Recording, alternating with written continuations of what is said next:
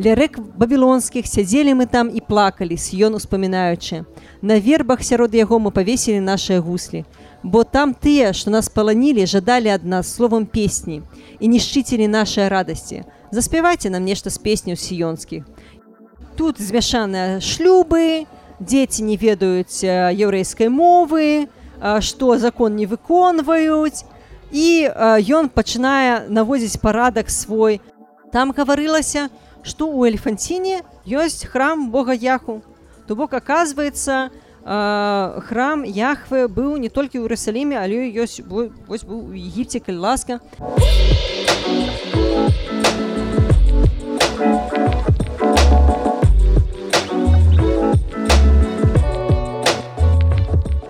Раскажу некалькі словаў уласна кажа пра сябе і пра праект пішам перайдзем уласна да тэмы сённяшняга выступу. Мой падкаст гістарычны, ён называется так склалася гістарычна звычайна. Я запрашаю розных гісторыкаў са ступені без ступені нават непрафесійных часам гісторыкаў, якія ну, не скончвалі, напрыклад гіствак, але вельмі дасведчаны ў нейкай тэме.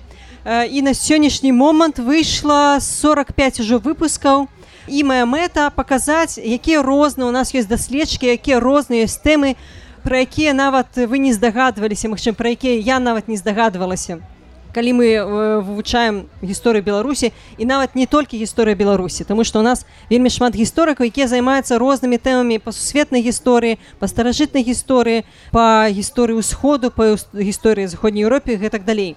І звычайна я запрашаю гасцей і мы як бы размаўляем у дваіх звычайна але я давно хацела так як таксама некаторой ступені гісторык я давно хацела таксама і расказаць пра сябе пра сваю нейкую тэму якой я займаюся. Таму што у свой час ну літаральна ўжо тры гады таму я абараніла кандыдацкую дысертацыю. І я думала ну напэўна трэба расказаць і пра нешта сваё. Але кожны раз калі я думала што я прыйду ў студыю буду сядзець сам насам вось гэтай комнатке з мікрафонам і нешта сама сабе расказваць мне было так неяк сумна неяк па-вар'яцкі гэта выглядала моей галаве але дзякуй студыі цім-цім якія ўжо другі год арганізоўваць пляцоўку вось на вуліцы ежа. І можна на гэтай пляцоўцы расказаць нешта людзям жывым людзям. Таму перайдзем уласна кажучы да наш сённяшні тэм я разлічваю прыкладна гадзіну хвілін 50 вам нешта расказваць і будзе у нас час яшчэ на пытанні але калі у вас будуць пытанні яшчэ па ходу. Задавайце не саромцеся я все падлумачу власна кажучы паехалі прэзентацыя Тэма, якую я сёння заяўляла, гэта тэма выгнання, вяртання і дыяспары ў старым запавеце. Я спадзяюся, э, магчыма, вы ўсе чулі пра такую кнігу стары новы запавет ветхі новы завет гэта кніга свяшчэнная для хрысціяну для іудзею і нават іслам на ёй грунтуецца. Але перш за ўсё для мяне як для гісторыка гэта гістарычная крыніца і сапраўды у старым запавеце ёсць дастаткова шмат сведчанняў гістарычных. І можна разглядаць гэта не толькі як нейкая святую кнігу дзе ісціна ў апошняй інстанцыі. Гэта не так а можна адносіць да і крытычна і гэта нармальна можна да ўсяго крытычна адносіцца да любых сведчанняў. І адпаведна я разглядаю стары запавет як менавіта гістарычную крыніцу пра падзеі. І мы будзем разглядаць сёння падзею з гісторыі старажытных яўрэяў і чаму нам гэта цікава. Таму што яўрэйскі народ ён такі дастаткова унікальны і для старажытнасцей па сённяшні дзень, а, таму што яны ну, напэўна, адзіны такі старажытны народ, які захаваў сваю ідэнтычнасць, захаваў сваю самасць захаваў сваё самаразуменне самапаразуменне адметнасць сваю на працягу больш чым за 2000 гадоў нягледзячы на тое што не было нейкай зямлі доўгі час 2000 гадоў у іх не было сваёй дзяржаўнасці і доўгі час ім нават забаронена было жыць на сваёй зямлі на сваёй гістарычнай радзіме і першым такім выклікам для еўрэйскага народа калі трэба было захаваць сваю гэтую самасць аказалась аказались вось гэта падзеі пра якія мы зараз паговорым але перш чым мы перайдзем да гэтых падзеяў ну я як гісторык павінна вас пагрузіць у кантэкст паглыбіць у кантэкст. Магчыма вы ведаеце такога цара саламона што яго быў пярсёнак ўсё пройдзе гэта пройдзе ведаеце такога? Чулі такого? Вось ведаеце. І гэта адносіцца да такога легендарна плюс-мінус легендарнага часу з еўрэйскай гісторыі. Чаму легендарнага? Тому что акрамя сведчанняў у старажытным запавець старым запавеце у нас няма ніякіх паралельных сведчанняў аб існаванні гэтых э, персонажаў не о першым цары ізраильскім не аб другім давідзе ні аб саламоне але это не менш гэты час вось по старому запавету лічыцца таким максімальным росквітам да ідэальнае царство вось вялікая дзяржава ад э, тыра да вось кадзіша на поўдні вялікая дзяржава большая чым сучасны Ізраиль і э, мы ведаем пра гэта са старога запавету але у нас фактычна няма ёсць толькі одно паралельнае сведчанне па-за тэкстам старога запавету і гэта сведчанне так звана стэла стэльдана. Э, яна была адкрытая ў 93 годзе дзе упамінаецца дом давіда. Да, дзе памінаецца што так вось быў такі цар з дома давіду. Тут гаворыцца что цар э, рама ён перамог цара ізраильскага э, ахазію цара з дома давіда. Другое сведчанне пра э, пра гэты час вельмі важное гэта цар саламон альбо шылома які пабудаваў храм. Храм увогуле для старажытных яўрэяў гэта было адно з таких цэнтральных месцаў культа.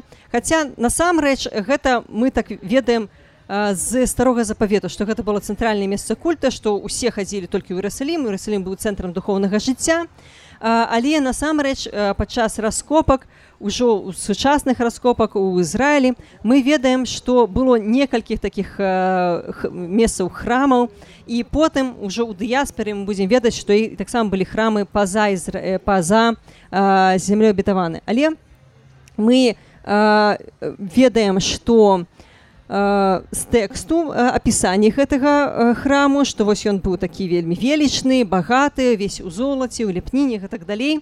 Але мы не ведаем археалагічна. Чаму мы не ведаем археалагічна? Не можам зрабіць археалагічныя раскопкі гэтага храму Таму што цяпер на храмавай гары стаіць мячэць і яна пад кантролем мусульман і там немагчым праводзіць археалагічныя раскопкі. а А, але мы можам таксама гэта нядаўнія знаходкі археалагічныя э, былі знойдзены ў хербеткі яфе гэта тэрыторыя сучаснага ізраю літаральна ў 2000 гады. Невялікія мадэлі храма яны гліныя і каменныя. І мы можам і мы бачым што вось яны цалкам супадаюць гэтыя мадэлі з тымі апісаннямі якія ў нас ёсць у старым запавеце. Адпаведна мы можам думаць што прыкладна старажытны вось храм саламона ён выглядзеў так. Чаму для нас гэта важна тому что вось потым храм ён будзе іграць цэнтральнае месца у ідэалогіі і такое скажем так гэта будзе адна з асноваў існавання іўдейскай абшчыны Таму мы так шмат увагі надаем вось храмы як цэнтру духовнага жыцця але пасля вось гэтага ідэальнага царства давіда давіда як ідэальнага цара саламона як самага мудрага самага знакамітага цара потым пра саламона ўжо ў позні час будуць усялякія легенды што ён і дэману выганяў такі заклінальнік быў. Гэта ідэальны час ён скончваецца і вось гэта наше ідэальнае ізраильскае царство яно распадаецца на два на паўночная Ізраиль і на паўднёвай іудея ласка наступны слайд. Вось уласна кажучы так рэканструююць мапу гэтых дзвюх царстваў і калі вы пачытаеце стары запавет вось кнігі царстваў першую другую трэцюю чацвёртую то будзе выглядаць так што у Вось э, паўднёвае царство юдэйскае яно было такім хорошым ідэальным яны заўсёды слухаліся Господа выконвалі яго запаветы а паўночнае ізраильскае царство яно было заўсёды дрэнным заўсёды яны э, пакланяліся іншым багам там прыносілі ахвяры таму каму не трэба. І э, што адпаведна калі яны былі дрэннымі іх надпадкала што? Боская кара канешне. Абсалютна заканамерным у светапоглядзе аўтараў старога запавету было тое што калі ты не пакланяешься правільна правільным Богу то цябе чакае боскае пакаранне і гэтае боскае пакаранне прыйшло прыватнасці да ізраильскага царства з боку адной з першых старажытных імперый першых але самых жорсткіх самая жорсткая імперыя самая такая якая стала ім іменем назыўным такім гэта асірійская імперыя асірыйцы яны паходзілі з ну сярэдняе цячэнне вось міжрэчча гэта сучасны ірак сталіцу неневіі і яны ў восьмым стагоддзі захапілі амаль што ўвесь бліжню блізкі ўсход. І чым яны былі адметныя? Тым што яны былі вельмі жорсткія заваёўнікі а таму што калі ім не пакараліся народа не пакараліся гарады то яны просто знішчвалі цэлыя гарады выкарыстоўвалі катаванні выкарыстоўвалі і выкарыстоўвалі для нашай тэмы вельмі важна такі метад пакарэння народу як дэпартацыя то бок яны не проста захоплівалі горад захоплівалі рэгіён яны бралі людзей якія там жывуць перасялялі іх у іншае месца а замест іх перасялялі на гэта месца іншых людзей. І такім чынам яны перамешвалі вось гэтае насельніцтва ў межах сваёй імперыі і натуральным чынам калі вас просто адарвалі ад сваёй зямлі перасялілі ў іншае месца вы у вас няма э, сілаў аказваць супраціў на вас няма ні матэрыяльных гэтых сілаў ні э, нейкіх маральных тому что вы абсалютна вам трэба абсолютно нанова будаваць сваё жыццё і вось уласна кажучы вось гэта паўночнае царство Ізраиль яны аказалі супраціў асірыйцам і у у 722 годзе іх сталіца была захопленая самарыя і яна была знішчаная шмат людзей забілі і частка прынамсі насельніцтва была пераселена некуды у мідыю да некуды на ўсход на тэрыторыю сучаснага іраку куды мы не ведаем і іх э, следы згубіліся і гэта стала падстава для вось э, такога міту аб э, згубленых 10 каленах Ізраіля 10 вось гэтых племённых Ізраіля але калі мы будзем чытаць стары запавет складзець такое ўяўленне што вось іх перасялілі і все яны зніклі іх больш не існуе але археалагічна паказваецца што вось гэтае паўднёвае іудзейскае царства яго насельніцтва пасля разбурэння самары яно вельмі моцна павялічылася. І таму як яно павялічылася? Не яны ж не маглі просто так распачкавацца ўсе знянацку натуральна што хутчэй за ўсё гэтыя былі бежанцы якія збеглі вось у паўднёвае царства і знайшлі там свой прытулак у сваіх суплеменнікаў сваіх родзічаў.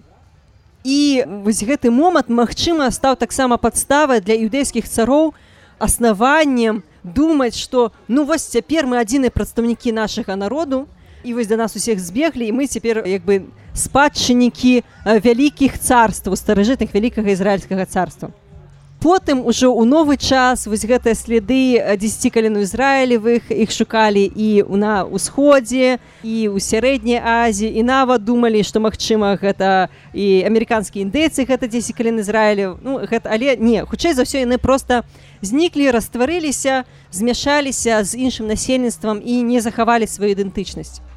Каб вы разумелі наколькі жорсткія былі вось гэтыя сірыйскія цары я прывяду прыклад надпіс ашурна серпала гэта асірыйскі цар які пісаў такі ну гэта пераклад з закацкай мовы на рускую на беларускую пакуль што няма але я там, перакладу на беларускую што я паставіў стол перад варотамі яго горада з усіх начальнік якія паўсталі я задраў кожу і кожу гэта я пакрыў той столб некаторых я палажыў жывымі унутр стаўба іншых пасадзіў на кол зверху стаўба военачальнікам царскім якія паўсталі я адрубіў канечнасці іншых спаліў у агні ну астатніх хто застаўся жывы я увёў у плен.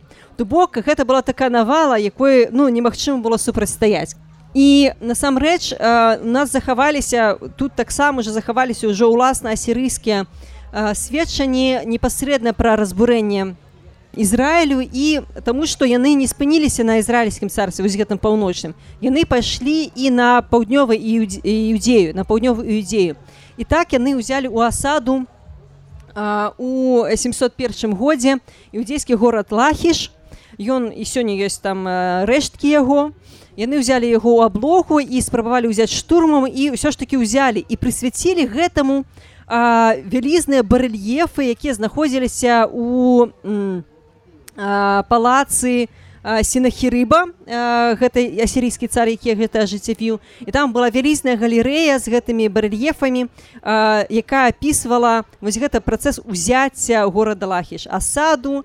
узяцці і потым вераніцы пленных якія былі вывезены у у асірійскую імперыю. Зараз гэтыя барэльеф яны знаходзяцца ў брытанскім музеі яны ну, былі выразаны і вывезеныя але у інтэрнэце ёсць і 3d копі можна паглядзець і і э, там таксама ну з таким задавальненнем крыху садыскім задавальненнем показаны ўсе гэтыя э, жорсткасці якія асірыйцы учынялі з тымі людзьмі якіх яны пакарылі і э, каб вы разумелі что у э, наколькі яны былі самаулюблёнымі вось гэтай асірійскай цары натуральна калі вам атрымліваецца браць гарады то э, самамеркаваннем у вас усё добра.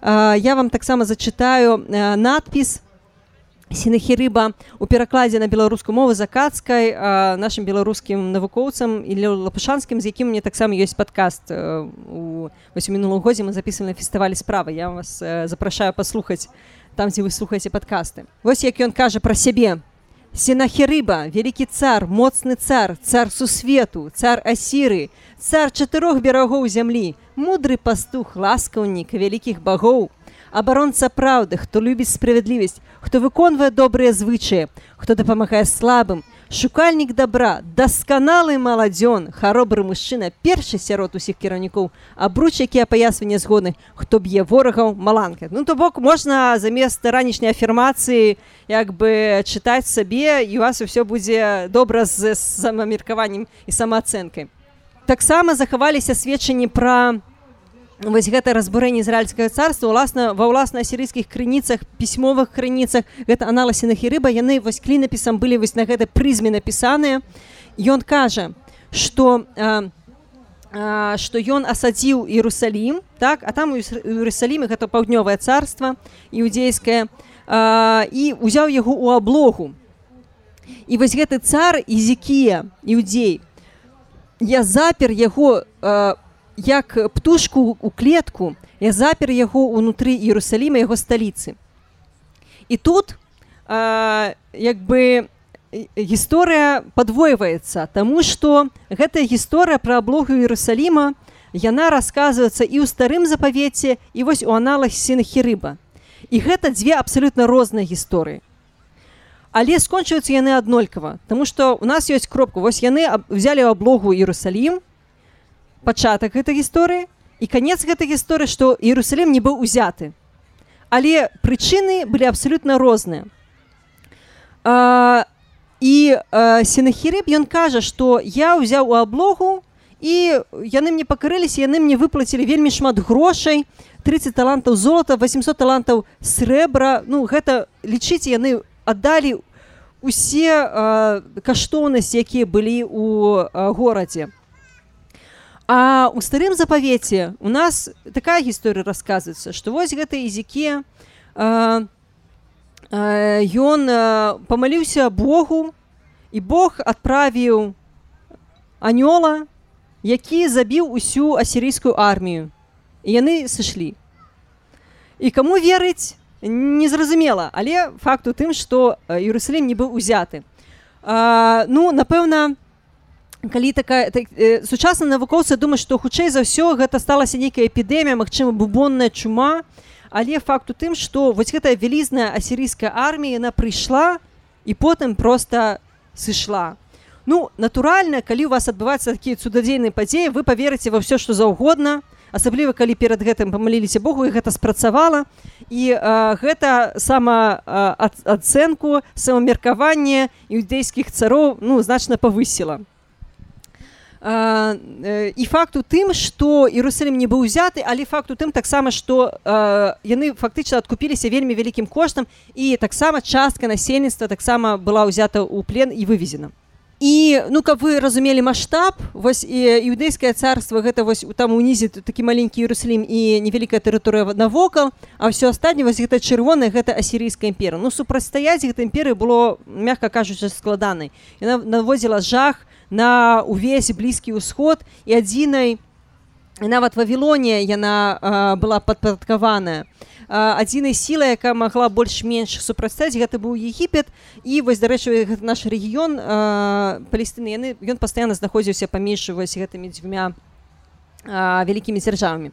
Але не ўсё так было проста і з цягам часу вось гэта імперыя пабудаваная на падпарадкаванні на гвалце на выкарыстоўванні рэсурсаў іншых народаў як такая класічная імперыя яна перастала існаваць і набрала моц вавілонія і вавілонская вавілонія на падпарадкавала асіру асіра перастала існаваць але э, ці гэта дала палёгку іўдэі не Таму што фактычна вавілонія нас захапіла тое што было да гэтага падпарадкавана асіры яна стала яшчэ большай імперыі але вавілонія і егіпет яны пачалі барацьбу адзін супраць аднаго Таму што егіпет падтрымліваў асірыю а вавілонія як бы імкнулася захапіць асіру і а, наша маленька вось гэта іўдэя маленька але вельмі ганарлівая з якой дапамагае сам Бог яна аказалася паміж дзвюх вось гэтых агнёў паміж дзвюх вось гэтых жырнавоў і ну гэты час ужо быў цар іхаякім які падняў паўстанне супраць вавілона і ён не ў час яго пачаў. Таму што менавіта ў гэты час царом стаў вельмі паспяховым на вавілонскі цар на выхада на сор альбо не букаднецар і яго рэакцыя была вельмі імклівая. Ён прыйшоў у Іерусалім і э, захапіў у плен вось гэта іхая кіма. Яго яго закаваў у кандалы але яго не, не паспелі вывесці ў вавілон ён памёр. І у нас адбываецца першая дэпартацыя каля трох тысяч іўдэяў якіх якія перасяляюцца ў вавілон. Вось на фотаздымку гэта адзіны ну магчыма партрэт вось гэтага наша на выхада на сора аўтэнтычны то што вы бачыце ў інтэрнэце ну, ну гэта ўжо такія фантазіі на тэму потым ставяць новага цара потым у 597 годзе у нас зноў падымае паўстанне юдэйскі цар і зноў прыходзіць на выходу на сор і зноў ён падпарадкоўвае нашы іўдэю але ну нічога не разрушае. Яны адкупаюцца ён захоплівае плен і зноў вывозіць некаторую частку насельніцтва. Ўжо але ўжо 10 каля 10 тысяч чалавек. Але гэта зноў такі толькі пасведчаннях старога запавету ну можна сказать шмат. І вось новы цар цыткі яху ён ну, доўгі час сядзеў ціха. Ну магчыма ён нешта зразумеў. Але ён у 500 89 годзе зноў паўстае Чаму Таму што у нас там аслабляецца егіпет і ён пабачыў гэтым як бы акно в акно магчымасцяў Ён паўстае і зноў у нас дасылаюць вавіланяне армію уже трэці раз дасылаць вавіланяне армію у вось гэту непакорную іудзею і на гэты час яны асаджаюць Ерусалім і у нас захаваліся падчас ад вось гэтай ваеннай кампаніі. Вельмі цікавыя дакументы астраконы з горада лахішу. Вось гэты лахішу які ўжо захоплівалі да гэтага сірыйцы ён захаваўся у нас як вельмі важная такая пункт вельмі важны горад іудзеі і захаваліся тут астраконы. Что такое астраконы? Гэта такія гліныя чарапкі дзе пісалі чарніламі і яны выкарыстоўваліся ну як для такі расходны матэрыял каб хусень конечно напісаць перадаць і потым выкінуць Таму што гліны постуты выкарыстоўвалі вельмі час ён часта біўся і ну як такі блокноцік Вось. і насамрэч то што тое што яны захаваліся гэта вельмі класна Таму што вось гэтай чарнілы яны выцвітаюць губляюцца і нам вельмі пашчасціла што гэта дакументы захаваліся тому што гэта сведчанне такого побыту. І вось тыя астраконы якія знайшлі ў лахішу тыя сведчанні яны нам гавораць пра вельмі такі момант класны. Калі вось лахіш быў ужо захоплены а Ерусалім яшчэ не. І вось гэтае э, з лахіша адправілі вось гэтае пісьмо аб тым што глядзіце тут э, вялікі тэкст але нам цікава апошняй апошнія радкі. Таму что раб твой господин мой будет посылать туда где он ибо если бы в обходе он проверил то знал бы. По столбам дыма лахиш мы наблюдаем согласно каждому сигналу который дает господин мой когда не видно уже сигналов озеки. То бог ён гаворыць что вось гэтыя сігнальныя вагні з азекі іх ужо няма значыць гэты горад ён ужо захоплены і вось вось ужо набліжаецца гэтае войска да лахішу і вось вось ужо будзе захоплены раслім уласна кажучы 88 годзе пачынаецца асада Іерусаліма якая цягнулася ажно ну амаль што два гады да 86 -го году і гэта таксама такі э, драматычны момант тому что частка насельніцтва Іерусаліма яна выступала за тое каб здацца вавіланяна. Частка выступала что трэба трымацца тому что нашим баку сам Бог. Як мы памятаем ну яны ж асірыйцаў Бог перамог правильно тут і вавіланяне чым яны адрозніваюцца? Нічым не адрозніваецца і э, вось гэтым голасам які у які казаў трэба здавацца гэта наша пагібель нічога з гэтага хорошага не будзе быў пророк еремія які паслядоўна выступаў супраць таго каб аказваць узброены гэты супраціў. Але яго ніхто не слухаўся і ён у сваём кнізе казаў што ну вось я господі я зрабіўся што мог да я да іх давозіў як мог што не трэба супраціўляцца і уласна кажучы 86 годзе у превосходящей силы противника, да, узялі город Иерусалим і ушэнт яго разбурылі. То бок калі да гэтага прыходзілі заваёўнікі, сыходзілі, адкупляліся, ну забралі нейкую частку людзей. Ну нічога тут але ўсё адно цары нейкія заставаліся, нейкая дзяржава заставалася, то тут э, храм разбурылі, Іерусалім разбурылі і ўсё насельніцтва фактычна вывезлі ў Вавілон частка збегла ў егіпет і у прыватнасці частка людзей якія забралі з сабой вось гэтага прока еремію частка была дэпартавана ў вавілонію.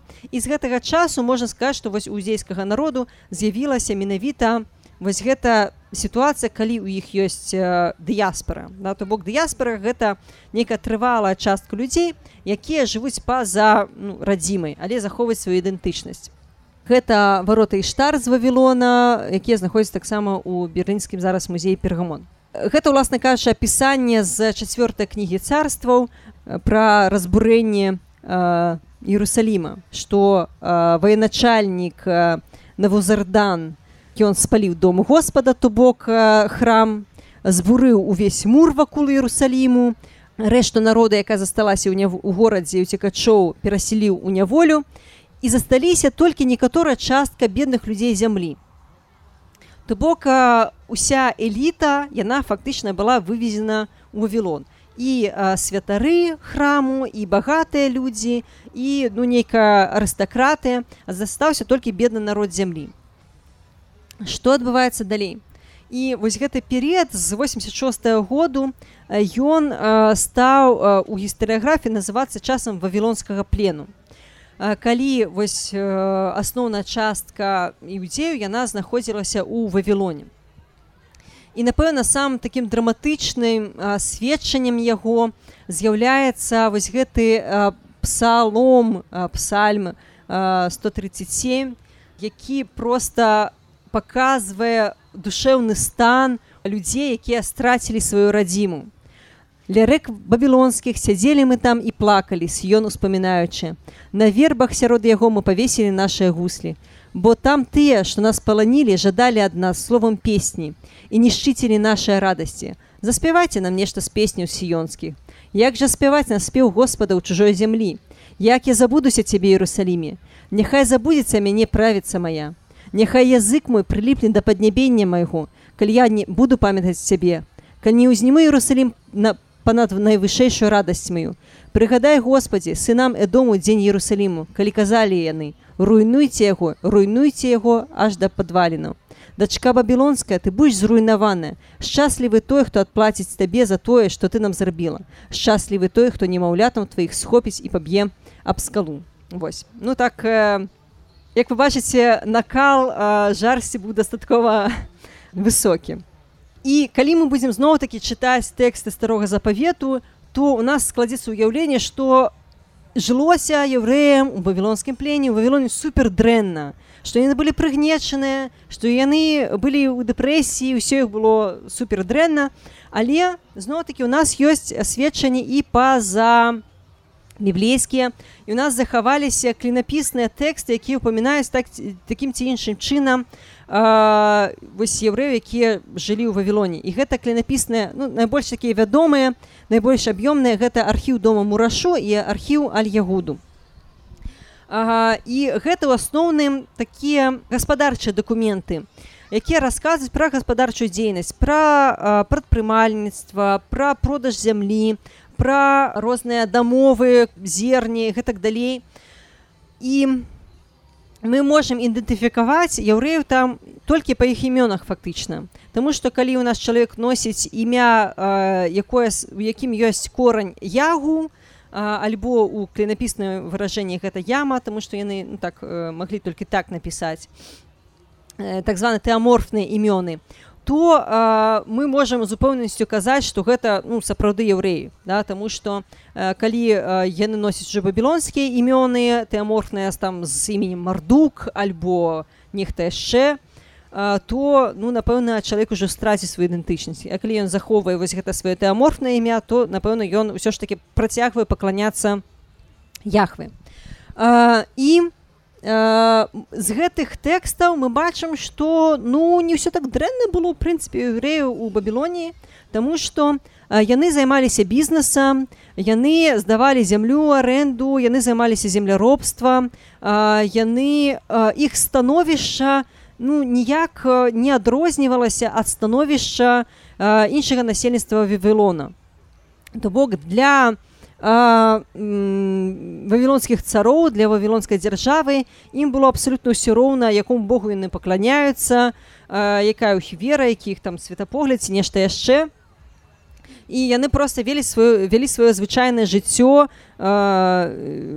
цалкам інтэграваны ў гэта гэтае грамадства. Але але ўсё адно яны сумавалі па сваёй радзіме і яны сумавалі па сваёй па свайму дому. І тым ліку чаму яны сумавалі по гэтаму?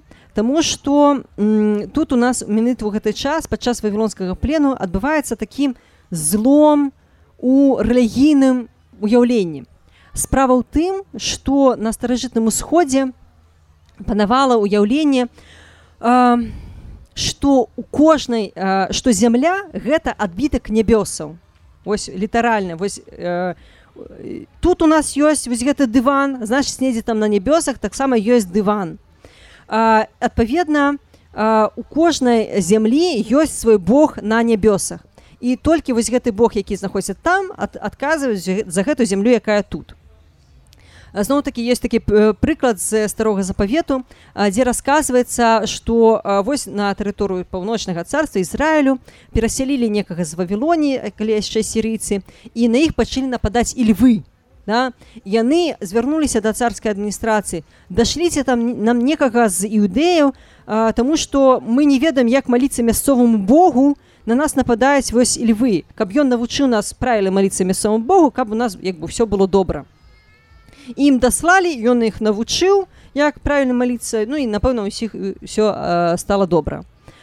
А, а тут юдэю з юдзейскага царства святароў тым ліку адзіным сэнсам жыцця адзіная справа якую яны маглі рабіць гэта прыносіць ахвяры ў храме ў Іерусаліме іх перасяляюць у іншае месца дзе няма ні храму і напэўна няма іх бога потому что гэта іншая земля что рабіць?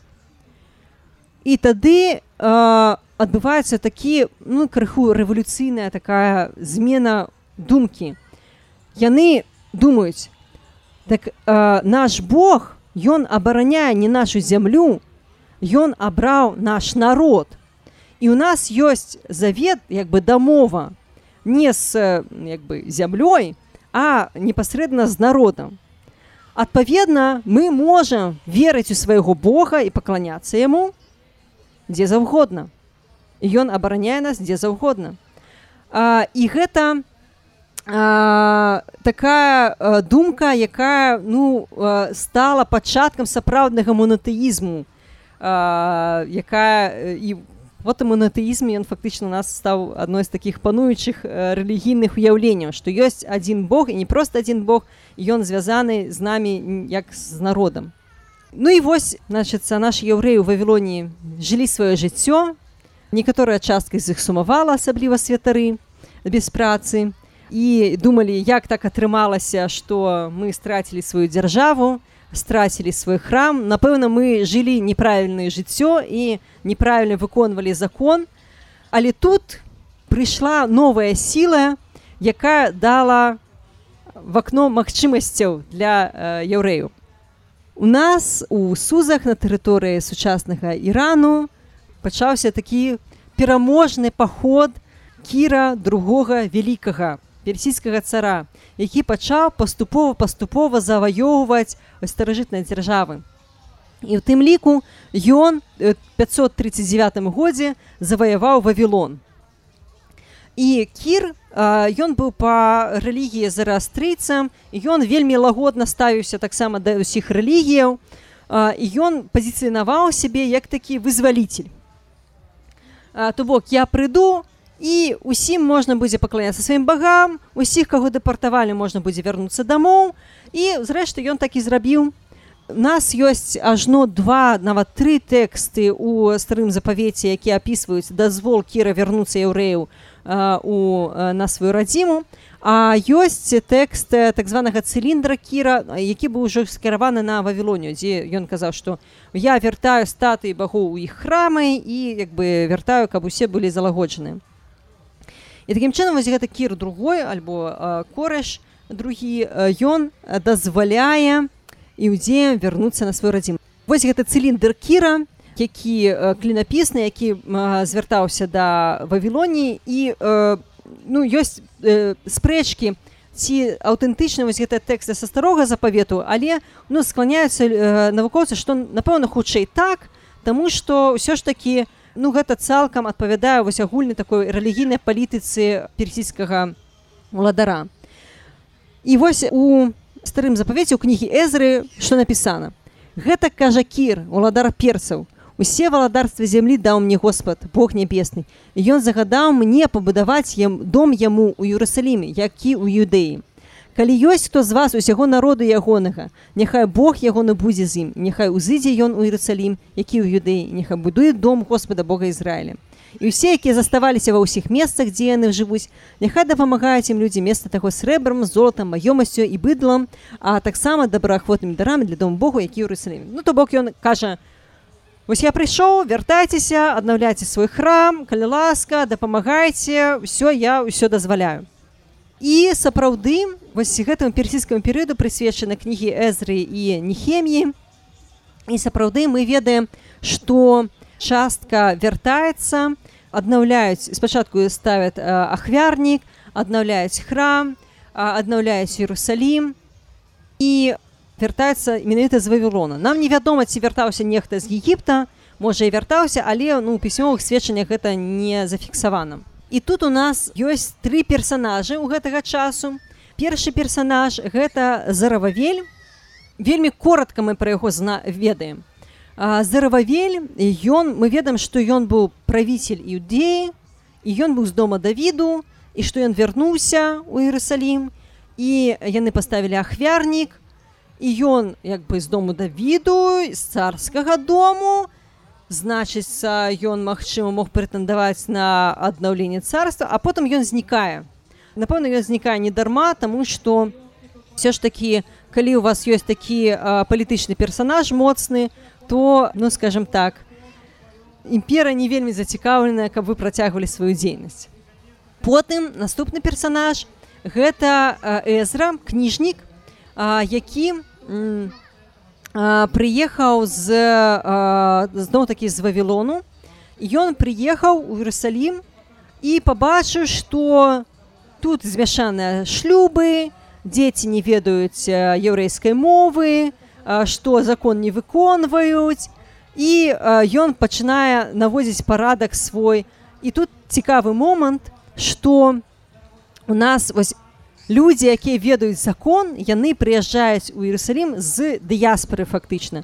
І гэта дае падставу меркаваць што вось у гэты перыяд прынамсі дыяспора вавілонская яна была больш моцнай яна як бы кіравала метраполі умоўна кажучы. І трэці персонажы гэта ўжо светскі персонаж нехемія і гэты персонаж вельмі цікавы тым што ён быў віначэрпем у цара А віначэрпік, як вы разумееце, гэта асоба набліжана да цела цара, гэта вельмі высокая пасада ў пры двары. Гэта значыць, што э, ну вось яўрэй ён займаў вельмі высокую пасаду. І э, ён э, таксама да яго дзейнасці адносіцца аднаўленне сценаў Іерусалім што таксама важна тому что сцены гэта ну абароназдольнасць гэта павелічэнне такой палітычнай моцы калі у вас няма сцену у гораду сталіцы гэта значыць вы абсолютно слабы слабая дзяржава палітычная Вось але напэўна самае галоўнае для нас менавіта ў гэты час адбываецца больш-менш такая кадыфікацыя вось старога запавету танахам э, яўрэйскай бібліі Чаму Таму што вось у гэты момант зноў такі ідэалагічны момант. Падчас плену яўрэі сядзелі думаць, што мы зрабілі не так, што Бог нас так пакараў. А калі а, вось гэта пакаранне яны адбылі, то яны пачалі думаць, што нам як жа нам правільна ўсё рабіць, каб такога больш не паўтарылася. Яны пачынаюць кадыфікаваць закон рэлігійны, яны пачынаюць кадыфікаваць гісторыю, звяртацца да гісторыі, і менавіта ў гэты час складваецца вось гэтая кананічная гісторыя старога запавета якую мы ведаем цяпер. Вось пра патрыярха пра сыход з егіпту пра усе гэтыя старажытныя рэчы. То бок нам насамрэч трэба стары запавет чытаць з канца а не спачатку. І яшчэ цікавы момант у тым а таксама ідэалагічны што калі вы пачытаеце вось гэтыя кнігі эзры нехемі то у вас складецца ўражанне што у у іўдэі не было людзей увогуле так? Приехали яўрэі з вавілона і вось яны сапраўдныя іўдэі а все іншых не існуе але мы з вами памятаем что там заставаўся вось гэта бедны народ зямлі а яны што яны нікуды падзеліся? Не яны нікуды не падзеліся. Адпаведна вось у гэтых яўрэяў якія перажылі вавілонскі плен у іх было ўяўленне что у вось мы э, адпакутвалі і значыцца толькі тыя хто адпакутвалі гэты вавілонскі плен вось гэтую эміграцыю адпакутвалі то э, яны могуць э, вось гэта званне сапраўдных э, абранага народу мець. Вось я хацела прывесці гэтая э, гэтую частку пра скасаванне шлюбаў. І я пры, хочу прывесці гэтую частку што калі вось кніжнік з раён прыехаў у іўдэю у Іерусалім яму сказалі што вось ёсць змяшаныя шлюбы з мясцовымі ён разарваў на сабе адзенне кленчыў і стаў маліцца господу і да яго пакуль ён маліўся сабралася з усяго Ізраіля вельмі вялікая вялікі натоўп і тут такі момант бачыце што тут царква справа тым што ну царквы натуральна ў той час не было.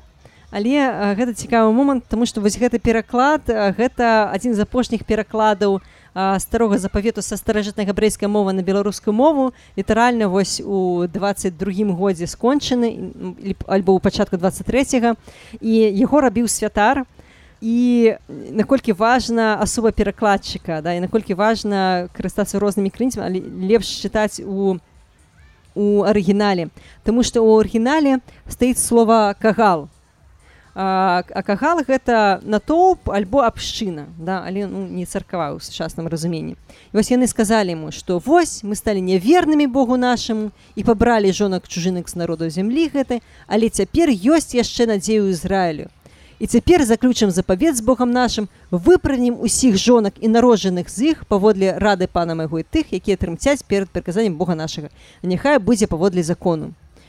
То бок э, і э, цікава, што э, ось у дзвюх невялікіх кнігах ажно тры разы э, выпраўлялі ось гэтых жонак неізраільскіх не іўдэйскіх да сябе дамоў і такім чынам скасоўвалі вось гэтыя змяшаныя шлюбы. Пра што гэта гаворыць гаворыць па-першае што э, гэта вельмі пашырная была з'ява ну а па-другое канечне гаворыць што не так-то проста ўзяць і адправіць сваіх жонак і дзяцей э, да сваіх бацькоў. Э, наступны слайд. Вось э, і такім чынам э, у нас адбылася э, адбылася вяртанне. Вяртанне і вось гэтае вяртанне з вавілону на радзіму сваю аднаўленне ну нейкай грамадскага жыцця рэлігійнага жыцця. Яно стала таксама ва ўяўленні вось гэтых тых хто вярнуўся другім сыходам з егіпту. Да вось гэта ідэя сыходу з егіпта з рабства з плену другі раз у гісторыі.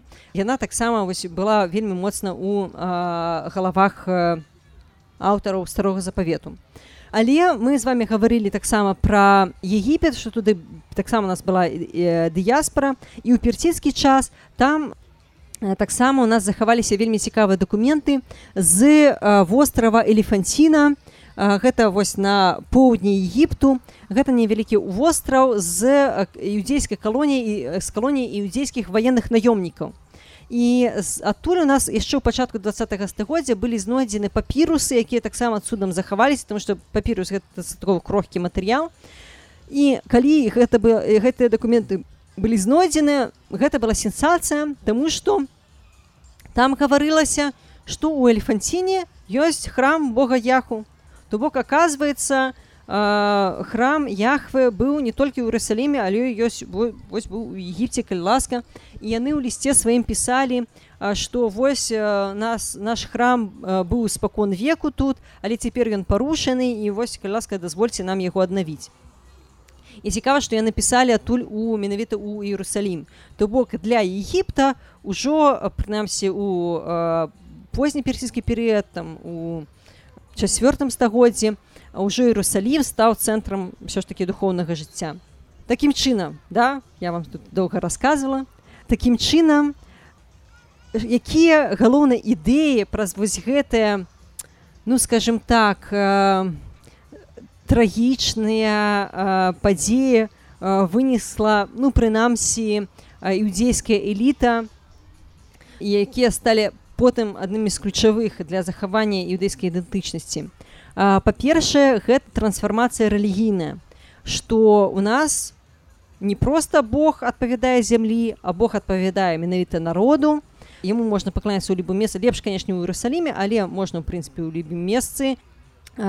Па-другое то бок гэта пачатак сапраўднага монатэізму па-другое гэта ідэя аб выкананні закону рэлігійным законе як ключавы момант ці ідэнтычнасці. Па-трэцяе, у нас пачынае праяўляцца, пачынаюцца такія звесткі аб важнасці мовы як элементу ідэнтычнасці. Да? То бок у адным з момантаў, калі гаварылі пра змяшаныя шлюбы, якія дрэнныя, там гаворыцца, што вось змяшаныя шлюбы бяруць жонак з іншых зямель і дзеці вашы не гавораць па-юдэйску яны там гавораць па-сірійску невядома па якой на якой мове а вось па-юдэйску не гавораць па-трэцяе у нас кадыфікуецца вось гэта свят, святое пісанне і кадыфікуецца вось гэта святая гісторыя да? у любой незразумелай сітуацыі звяртайся да сваёй гісторыі да?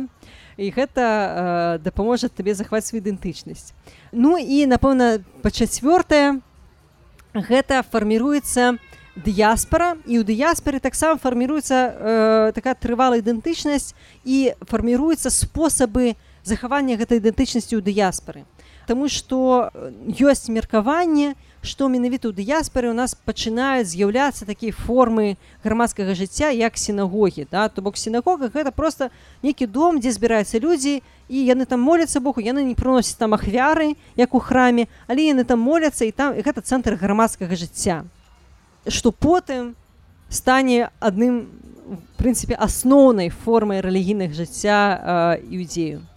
Восьось таму напрыканцы хацелася б сказаць што чаму нам служыць гэта гісторыя? Трымайце за сваё ўсё пройдзе гэта пройдзе і все будзе добра. У канцы канцоў да добра. Мне все Буду рада адказаць на ваше пытанне. Да, супер. Если есть вопросы, ручку поднимайте к вам с микрофоном вперед. Да, у нас подарки готовы и от нас, и вот от э, подкаста. А, здравствуйте. Я хотел спросить... Э, здравствуйте. А, есть какие-то последние данные про евреев Египта? То есть кто это? Гиксосы, не гиксосы? Есть ли вообще это а, данные, что были в Египте евреи? То есть, ну, как бы вы напэўна маеце на ўвазе вось гэты сыход з егіпту да, да, то есть он же не фіксируется то есть э, в источниках дакладна былі яўрэі ў егіпце прыкладна э, у э, на калоніі элефанціна і пазней гэта ну э, з 6 4 стагоддзя персійскі перыяд што тычыцца сыходу з егіпту вось гэтага э, легендарнага то тут дадзеных пацверджаных да. няма до нашай да. да няма гэта магчыма ёсць нейкія аснаванні для гэтай легенды але можна думаць што яны туды прыязджалі гэта ўсё ж такі адзін рэгіён памежжа перасячэння гандлёвых шляхоў але мы не ведаем справа тым што на працягу фактычна ўсёй сваёй гісторыі еўрэі яны былі зусім невялікім народам і зусім невялікай дзяржаўнасцю параўнанні з егіптам параўнанні з ахіменідамі гэтак далей напрыклад хаця для еўрэю вельмі юдэйская правінцыя вось у персійскай напрыклад перыяд яна была але ва ўласна персійскіх тэкстах мы еўрэю не знаходзім да? там у сірыйскіх ёсць у вавілонскіх ёсць а ва ўласна персійскіх дзяржаўных мы не знаходзім напрыклад мы не знаходзім іудзею сярод зямель у пералічэнні бехістунскага надпісу у дарыя э, другога першага дарыя першага восьось э, гэтак жа і з гэтым старажытным перыядам напэўна былі нейкія такія эпізоды але вось тое што тычыцца вось гэта легендарнай эпохі патрыярхаў Моисея гэта хутчэй за все легенды ну, вот, э, я имел в виду что вот самая самая идентификация да вот как еврей еврей да или э, как группа семитских племен да то есть когда когда они начинают себя ну, ощущать евреями, да, когда они записываются себя евреями. То есть это же... евреями, як слово ну, ибри? Ну да, или, ну то есть это же можно по-разному себя как бы, то есть там же было много племен, и они, ну, семитских племен, которые жили в, вдоль. И э, ощущали они себя, то есть фи филистимляне.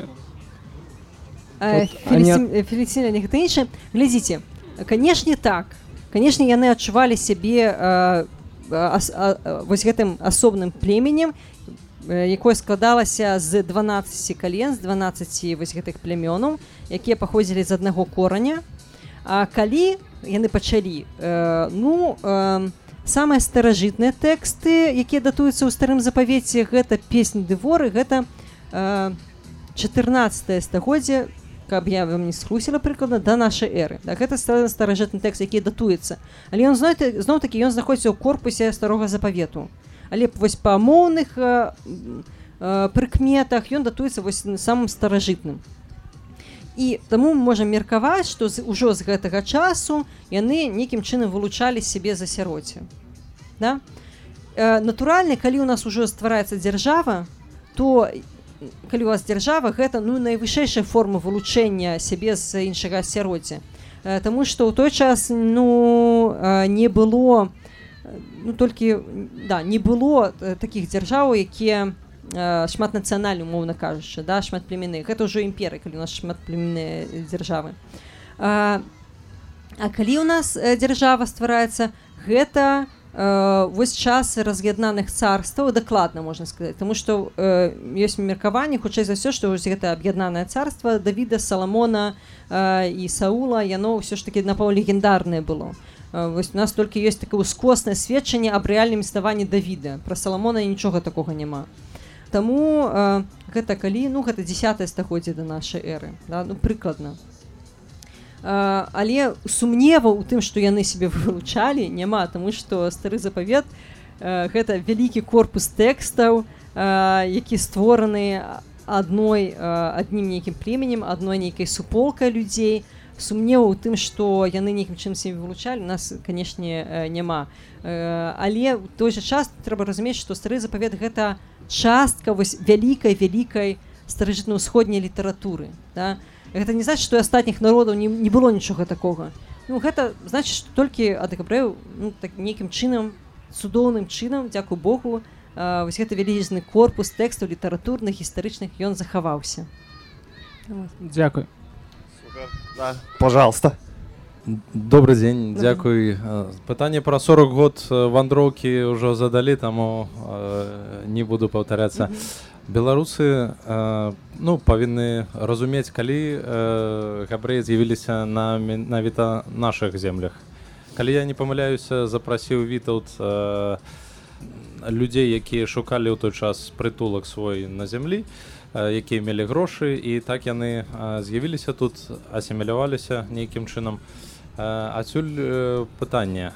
Скажитеце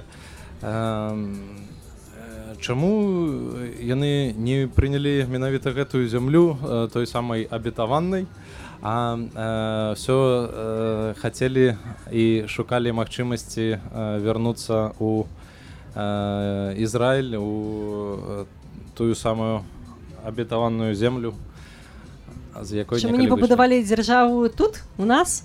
Напрыклад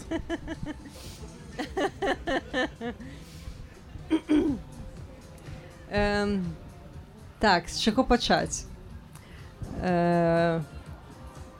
увогуле ідэя нацыянальных дзяржаваў гэта ідэя 19 ўжо стагоддзя і нягледзячы на тое што ёсць сапраўды малітва такая у еўрэю што якая скончваецца наступны год у Іерусаліме сустрэнемся яна доўгі час была такой ну рытуальнай да? ну, сказалі сказалі такі тэкст але ў 19 стагоддзе калі пачалась пачалося будаўніцтва нацыянальных дзяржаў актыўнае то і калі пачалася эмансіпацыя у тым ліку яўрэйскага насельніцтва тому што доўгі час яўрэйскае насельніцтва жыло у такіх замкнутых абшчынах і абмежавана было вяло традыцыйны лад жыцця і калі пачалася эмансіпацыя яўрэйскага насельніцтва то пачалося такой такі рух як сіянізм да?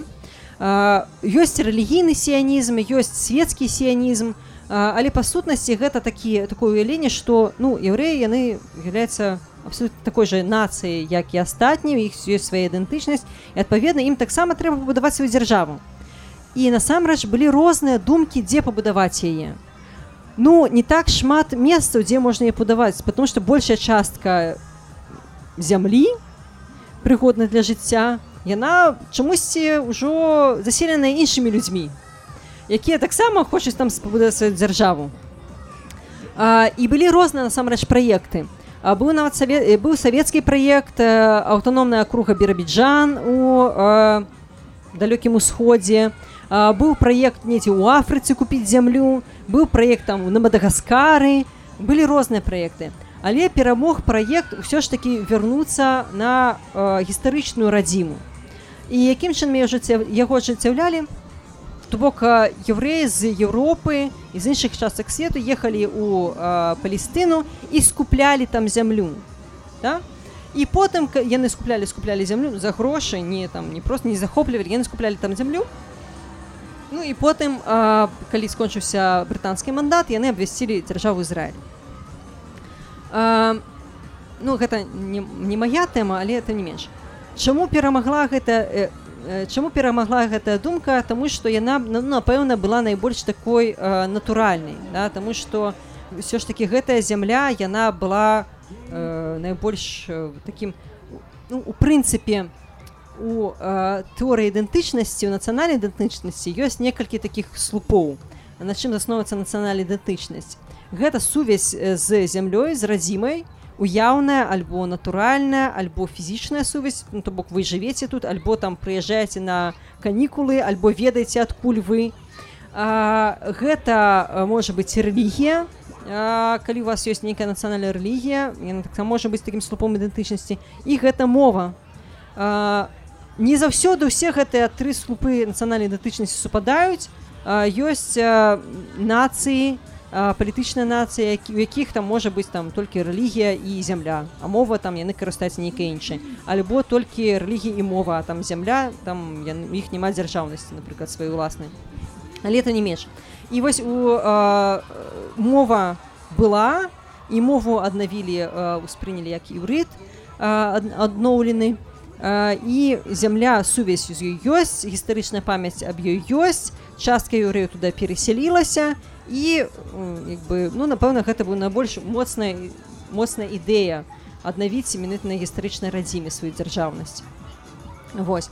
А што тычыцца я зраблю рамарку наконт запрашэння еўрэю у вітаўта. Просто вы сказали такую фразу што запрасілі тых у каго былі грошы да? Просто ёсць такое уяўленне што